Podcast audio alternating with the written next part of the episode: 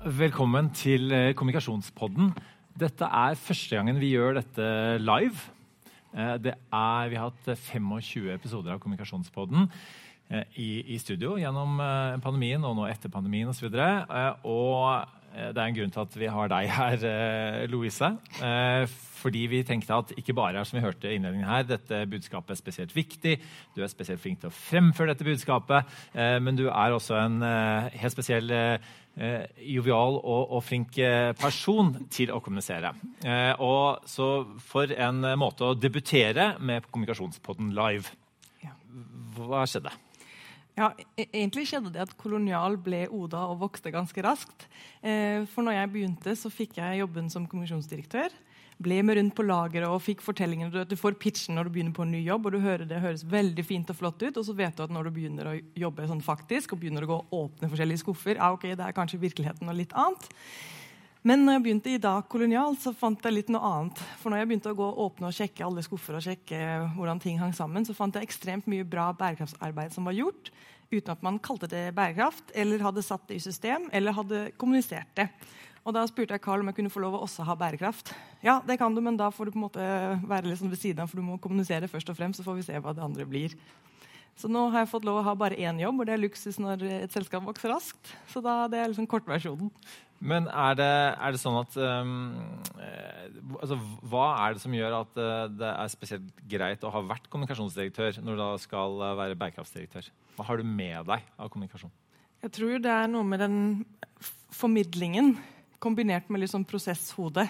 Men hvis vi skal kommunisere dette, så må vi liksom tilbake til start og være med å påvirke prosessen. Og ikke være sånn leppestift på grisen på slutten, men være med i prosesser helt fra start. Og jeg tror det har vært liksom, um, ja, en, et takknemlig utgangspunkt. Å klare på en måte tørre å snakke litt i overskrifter. Uh, og peke litt med hele hånda og si men dette kommer ikke til våre kunder til å forstå i det hele tatt. Um, ja, så det mm. tror jeg. Mm. Og hvis vi begynner, altså Denne sesongen her har vi fokusert litt ekstra på på budskap. altså eh, Hvordan utformer man budskap? Eh, hvordan eh, formulerer man det? Hvordan formidler man det? Hvordan måler man det? Og så, videre. og så har vi da hentet så enkeltpersoner som er spesielt flinke til å nå gjennom i offentligheten.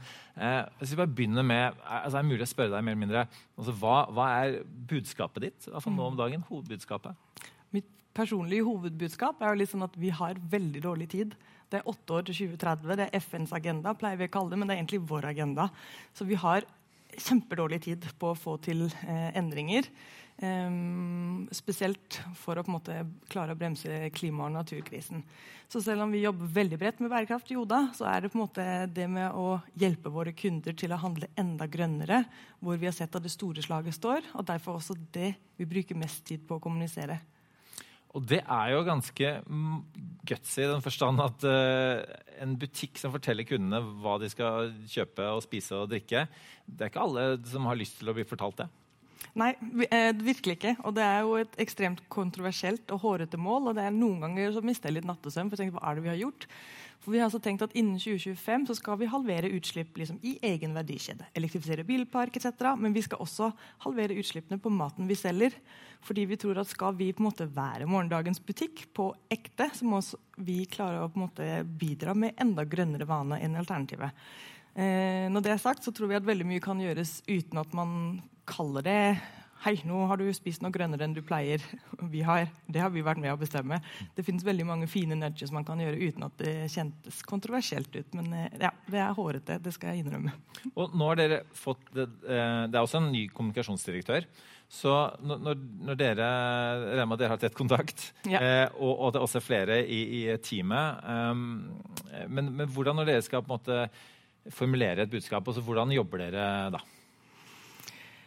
Ja, da, da, går vi jo gjennom ulike målgrupper. og hva, hva, vet de allerede? Hva er de opptatt av? Hvor kan vi på en måte ta en naturlig posisjon i det området?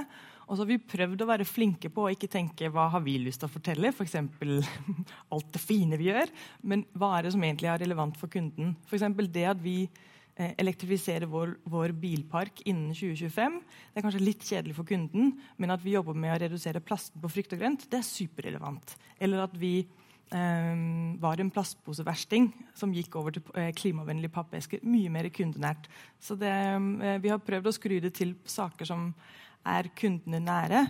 Um, og så prøve å kill our darlings på ting vi egentlig har kjempelyst til å snakke om. Og det er ikke alltid vi lykkes, men vi prøver i hvert fall å, å være relevante når det er relevant for folk. Ja, fordi akkurat dette med, med bærekraft er jo litt sånn fort gjort eh, å få mange darlings. Eh, ja. Det er veldig mange bærekraftsmål, eh, og det, alle er tilsynelatende like gode. Så det er jo en, en, helhet der, og det er litt av poenget. Men, men for en bedrift da, som, på en måte, som skal basere seg på, på profilere seg på å være bærekraftig, altså hvordan klarer man å, å kille darlings og, og, prioritere mellom alle de gode målene, bærekraftsmålene? Jeg må bare ta en liten digresjon. fordi eh, Når du sier det med bærekraft, som er litt sånn wishy-washy, eh, det er jeg jo helt enig i. og Ofte tenker jeg burde jeg egentlig kalt min tittel det jeg faktisk gjør. Eh, for grønne kunder og elektrifisering. Men det ble jo også kanskje rart. Men jeg skulle levere sykkelen min til vår, vår fiks her om dagen i Drammen. hos han eh, sykkelfikseren. Og så spurte han mens jeg liksom stod og venta, hva jobber egentlig du med? Jeg jobber med bærekraft. Og da sa han nettopp det. Men er ikke det litt sånn humre og kanari alt i en sekk? Så jeg, jo, det er kanskje egentlig det. Um, men sånn som det han gjør, det er jo superbærekraftig. Det var han jo enig i. så da, det var noe med at da ble bærekraft relevant for han når vi snakker om det med reparasjon og gjenbruk etc. Mm. Um, vi kan snakke om det å sykle versus det å, ja. å, kjøre. Ja. ja. ja så det, vi har prøvd å gjøre det samme nå når vi har gått igjennom å sette opp liksom vår eh, strategi for Oda. Eh, så har vi jo gjort en sånn eh, på nerdespråk materialitetsanalyse, hvor du også ser på hva betyr det for ulike målgrupper F.eks. syv av ti nordmenn syns det er veldig vanskelig eller er opptatt av å spise mer bærekraftig, men åtte av ti syns det er ekstremt vanskelig å vite hva er det som er bærekraftig. Mm. Um, så hvis vi kan være, en måte, ta en posisjon i å ha transparens og nudge den veien, så kan det være en posisjon å ta. Så vi bruker veldig mye eh, innsikt på å forstå hva vi, hva vi, tror våre kunder, hva våre kunder sier at de er opptatt mm. av. Og så bruker vi veldig mye innsikt til å se hva de faktisk gjør eh, i butikk for å klare å være relevante. Mm. Så eh, hive inn her at uh, din inngang uh, til arbeidslivet ja. her i Norge, det var i Oslo kommune, å jobbe med sosiale medier der. Um, så hvordan, og, og, også jobbet med, med, mye med teknologi. Ja. Og så kan du si litt mer om måte, hvor, hvor, viktig teknologi er uh, bl.a. for å måle det, man, det dere gjør? Ja, absolutt. Det er jo, eh, ofte når man snakker om teknologi, så tenker man på koding eller på roboter eller droner. Men for meg så er teknologi veldig mye innsikt også, og data. Å forstå på en måte det du har tilgjengelig, og sette det sammen på en måte som gjør at du kan ta beslutninger. Um, og Hos oss så, um, bruker vi et verk som heter Looker. Det er en analyseplattform. Uh, og Her har vi valgt å sette opp et dashbord som viser på en måte, hvordan vi ligger an på alle våre bærekraftsmål. Um, fordi jeg vet at det kommuniserer veldig godt til uh, våre medarbeidere. Uh, vi er glad i grafer og vi er glad i, i, statistikk. Og når det syns på den måten, så er det lettere for oss å følge med, og det er lettere for folk å ha lyst til å være med og påvirke. Um, og så gjelder det ut til våre kunder også. Vi vet at våre kunder syns det er veldig gøy å få data om seg selv. Hva har du handlet siste året? Dette er topp ti trender. Eh, sånn har det på en måte eh, eh din, din handlekurv sett ut. Og derfor har vi også utvikla Eh, en klimakvittering for å ha en sånn kommunikasjonsplattform med våre kunder for å synliggjøre eh, hvordan klimaavtrykket er på din handlekurv, som et startpunkt. Mm. Hvordan får det til? Altså, dere, det er sikkert mange grunner til at dere ønsker å vise det, hvordan forbrukerne deres uh, forbruksmønstre. Um, og så vil man kanskje oppleve sånn med personvern, folk vil ikke ønske å, å, å dele like Eh, lett, kanskje, som dere ønsker det. Eh, selv om det ligger gode hensikter bak. Hvordan får dere til eh, det? Hvordan får dere folk med på å ja, bruke apper og, og, og la seg registrere? Nå har vi jo begynt på et veldig sånn soft startsted. Vi, bruker, vi har jo et forskningssamarbeid med CICERO, som er Norges eh, klimaforskningsinstitutt, mm. eh, og med seniorforsker der, eh, Bob. Og han er en veldig uredd forsker. sånn at vi har ikke sittet og funnet opp tall, men vi bruker eh, Bob sin data på kategorinivå, altså rødt altså storfe versus salat. Eh, og, og eh, din data er personlig for bare deg. Så det, det er jo en veldig ikke, ikke ikke-kontroversiell måte å kommunisere det på, på en kvittering. Mm. Vi, eh, jeg var og kikket litt på gjorde research i våre egne arkiver, i Kommunikasjon-tidsskriftet. Eh, og Der hadde du, du fem tips eh, i, for noen år tilbake. og Da var, eh, snakket du mye om teknologi. Både dette med å eh, lære å kode, eh, mm. men også som virker sikkert veldig skummelt for de som syns teknologi er skummelt i utgangspunktet. Eh, og selv alle, andre. men også dette med å, være nysgjerrig. Det å på en måte være nysgjerrig på hva altså også de litt nerdete tingene av teknologi Ja. faktisk innebærer. Og hva er det man vinner ved å være så, så åpne som, som det du har vært? Nei, det er jo noe med eh, det, For din egen del så vinner du at du utvikler deg. Og at du på en måte eh, kan bibeholde en, en viktig posisjon som kommunikatør. Eh, og hvis du på en måte holder deg oppdatert og, og relevant, så er det lettere å sitte rundt bordet eh, når beslutninger tas, når prosesser settes i gang. Eh, og det tror jeg, eller vil jeg påstå er en mye gøyere jobb enn å komme inn på slutt og bare vi har planlagt og bestemt for tre måneder siden at kan du bare trykke det ut på intranett, og eh, så skulle vi ha noe på LinkedIn i tillegg. Kanskje er ingen journalist. Så jeg tror det handler liksom om gjøre seg eh, til en dyktig fagperson og relevant. Da er du en enda flinkere sparingspartner.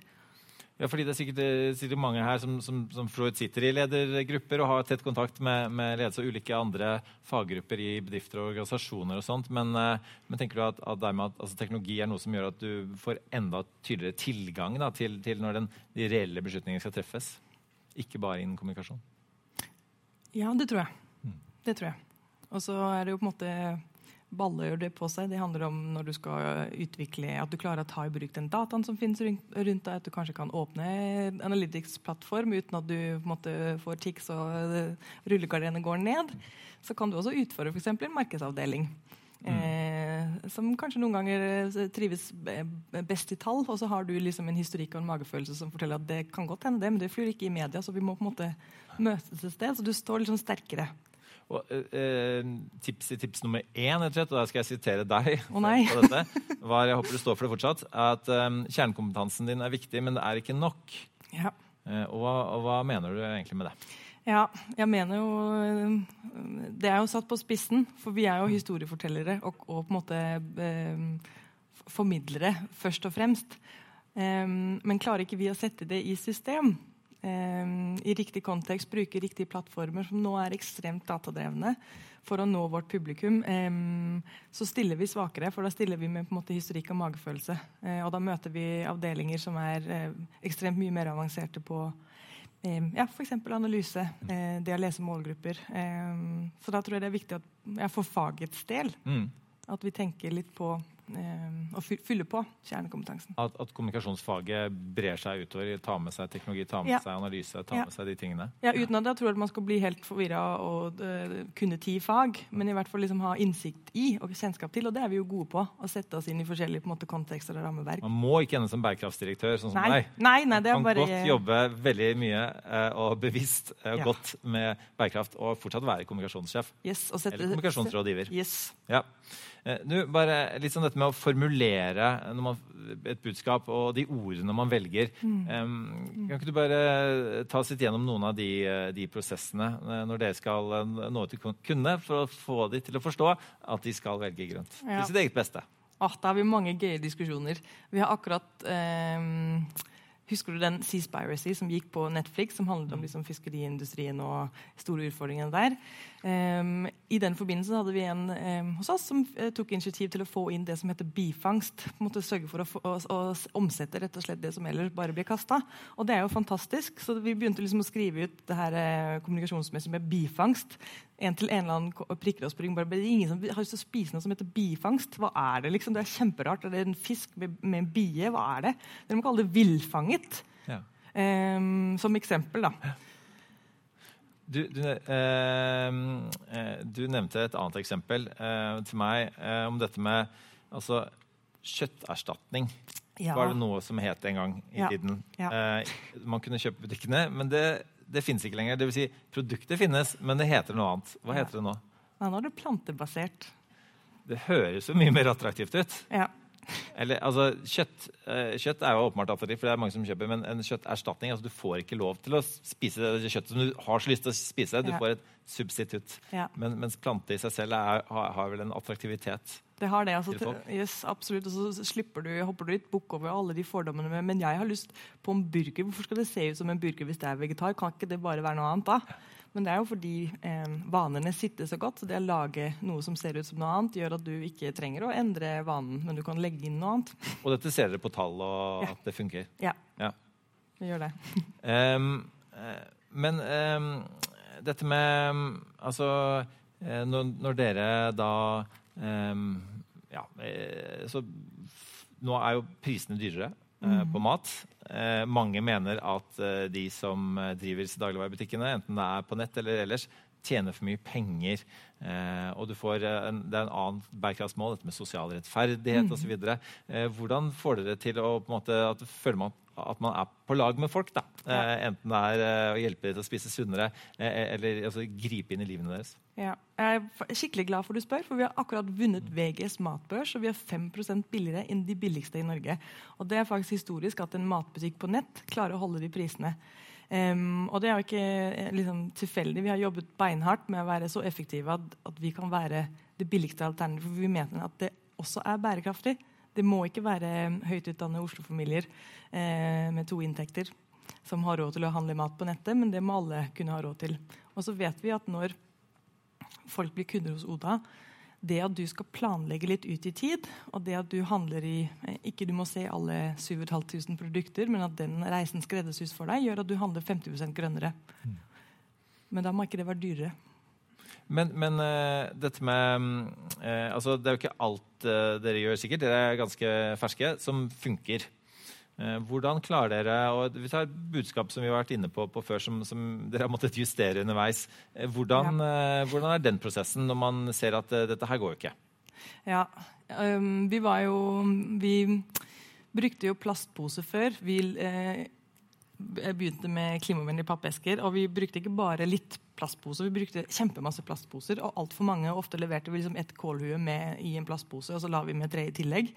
Og så argumenterte vi veldig hardt fordi alle på en måte, livsløpsanalyser vi hadde lest, og all forskning som lå, sa at plastpose i Norge er et bedre alternativ enn noe annet, fordi vi bruker det i måte, søppelhåndtering. Eh, men da vi da gjorde vår første måte, klima, vårt klimaregnskap, så så vi selvfølgelig at ok, vår transport står for hoveddelen, det var ingen bombe. Og så sto, eh, hadde en annen post eh, nummer to, og så tredje største posten var våre eh, plastposer. Så det var ikke bare liksom, symbol, eh, symbolsk for kunden, det var liksom faktisk utslipp. Eh, og Da måtte vi gjøre en justering eh, ganske kjapt. og Da eh, diskuterte vi dette her med hvordan, måte, hvordan, forklarer vi det. Vi har liksom virkelig stått på, ikke ville gi oss på, fordi vi mente det var bedre. Mm. Men da var det bare å si det som det var. Vi har regnet på saken. Eh, I vår verdikjede så er faktisk denne pappesken et bedre alternativ. Det er det ikke for butikk. Vi var en plastposeversting. Eh, vi har forsøkt å fikse det. Og har ikke noe problem med å snakke om det offentlig heller. Nei, fordi... Når de har fikset det, i hvert fall. Nei, men altså, sånn som elbiler har vi ikke fikset ennå. Vi kjører jo rundt i dieselbiler. Um, og det er litt fordi vi ikke er et elbilteknologifirma, og vi må vente til ladekapasiteten er god nok. Um, og det må vi tåle å snakke om på en måte likevel. For målet er veldig tydelig? Ja, innen 2025 så er det elektrifisert bilpark. Og heldigvis, for vi satt målet før vi visste det, vi kom til å klare det, så er ladeteknologien så god eh, innenfor halvannet års tid at vi kan både kjøre ut mat og ha den kjølig samtidig. For det klarte vi ikke med, med dagens. Du, litt til slutt, eh, Louise. Um, fordi det, det, høres jo um, veldig riktig ut å jobbe med bærekraft. Det høres ut som dere jobber med det på en riktig måte. Men, men, en gang i tiden så var det mer kontroversielt enn det er nå. Og det er fortsatt noen klare dilemmaer. Du skal sikkert slåss med noen økonomiansvarlige her og der. Uh, og på en måte hvordan, hvordan planter man det flagget? Uh, jeg vet du, du, har brukt dette begrepet ja. selv. og Jeg fortsetter å se det. der. Um, uh, og, og, og, og, står opp i en organisasjon eh, og, sier at eh, ok, kanskje kommer vi ikke til å tjene veldig mye penger på dette nå, men bare vent om 10 år, 20 år ja. eh, osv. Næringslivet er jo langt foran politikken i hvert fall, med, med å eh, miljømerke aksjer og osv. Hvordan får man eh, bedriftsledere til å forstå dette? Ja, nei, jeg, jeg, tror det er så viktig det her, fordi Du må selvfølgelig jobbe med de viktige impact-sporene, men mange av de tar tid tar liksom tre til fem til åtte til ti år. Og det kan ikke du snakke om i så lenge, fordi jo, du får, klarer ikke å mobilisere folk så lang tid. Så du må plante noen flagg eller få noen snakkiser, sånn som klimakvitteringen eh, hos oss, som på en måte gikk verden rundt. Eh, sånn at du klarer å måtte, mobilisere og holde, holde folk, liksom, binde folk til masten over tid. Og Noen ganger må man være så modig at man gjør det som du omtalte i praten på forhånd her, som en nærmest et karriereselvmord. Ja. Hva skjedde da? Nei, det, ja, det, gjorde jeg tidligere eh, i Schibsted. Når jeg, eh, vi skulle rekruttere mange tusen teknologihoder, så fikk jeg skikkelig, var, var veldig redd for at vi bare rekrutterte eh, masse flere menn. så jeg fikk lov å holde en liten tordentale til topp 300 ledere. Og rett før jeg går på scenen og skal presentere det som et business case, så sier en kollega til meg du vet at det her er karriereselvmord. Lykke til! Um, og så har jeg tenkt liksom, i etterkant, det var jo ikke det i det hele tatt, men at kanskje det er litt sånn min rolle.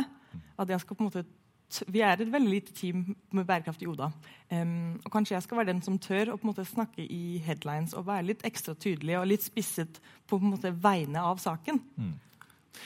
Tusen takk eh, for, eh, for, mange gode tips. Eh, både tordentaler, karriereselvmord, analyseverktøy og ikke minst det å formulere et budskap og stå for det. Mm.